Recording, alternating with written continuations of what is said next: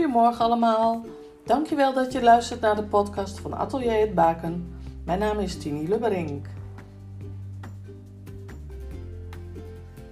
Nadat we allen de levensadem van God in onze neus krijgen en we hier op aarde onze race lopen, komt er op een bepaald moment een eind aan. De aardse reis zit erop voor degene die gaat. Zij gaan naar huis en wij blijven nog even hier. Ik ben nu 54 en heb verlies meegemaakt.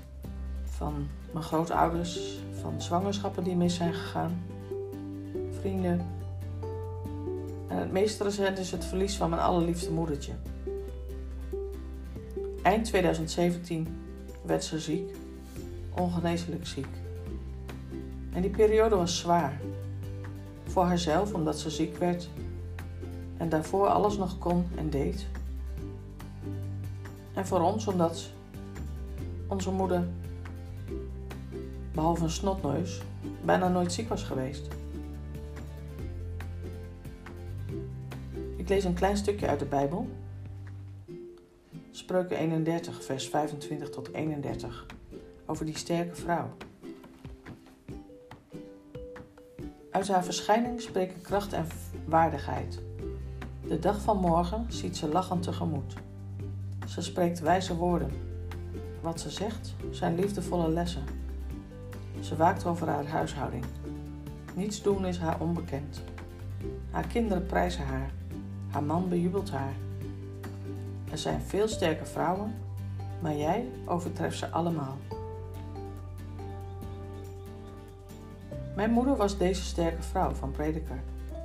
En wat waren we trots op haar en alles wat ze deed en heeft gedaan.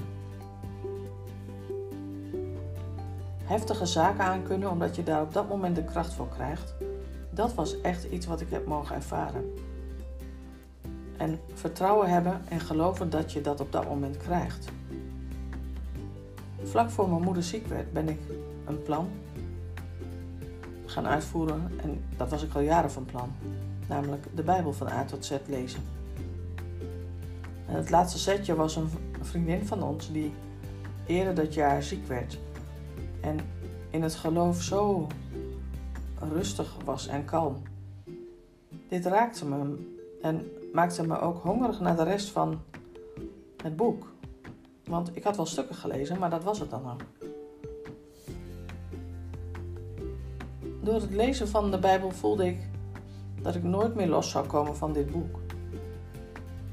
Ik voelde dat ik kracht zou krijgen toen mijn moeder me vroeg een afscheid voor haar te schrijven.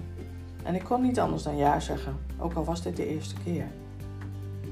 Als je iets wilt, dan krijg je daar de kracht voor, zei ze altijd.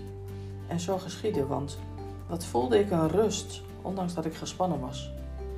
Tijdens het voorlezen van haar afscheid. Of haar afscheidstekst. Het hele proces van ziek zijn was verschrikkelijk. Maar wetend dat ze nu al vast op de mooiste plek is die je je kunt wensen, geeft rust en bemoediging om de schouders eronder te blijven houden. En de supporter zijn voor een ieder die dit nodig heeft. Naast support van mijn geliefde sleepten de teksten van de Bijbel, de preken die ik keek, met thema's van alle dag en de hymnes me door deze periode. Ik bleef staan. En ondanks dat ik haar verschrikkelijk mis, blijft ze nog steeds die sterke vrouw. En als ik een zogenaamde ma-misdag heb, dan kijk ik naar haar foto, waar ze met een grote grijns op staat. En dan ben ik dankbaar. Dankbaar dat ze mijn moedertje is. Dankbaar dat de periode van ziek zijn is gegaan zoals het is gegaan. Namelijk een periode van herinneringen maken en het vieren van de dingen naast het ziekbed, wat minder positief was. Of eigenlijk gewoon verschrikkelijk. Dankbaar ben ik dat mijn geloof net op tijd weer terug in mijn leven is gekomen. En dat ik verschillende uitlaatkleppen heb om met heftige situaties om te gaan. Dankbaar ben ik voor de geliefden om me heen en de dingen die gaan komen, waardoor ik mensen kan helpen. Dankbaar. Waar ben jij dankbaar voor?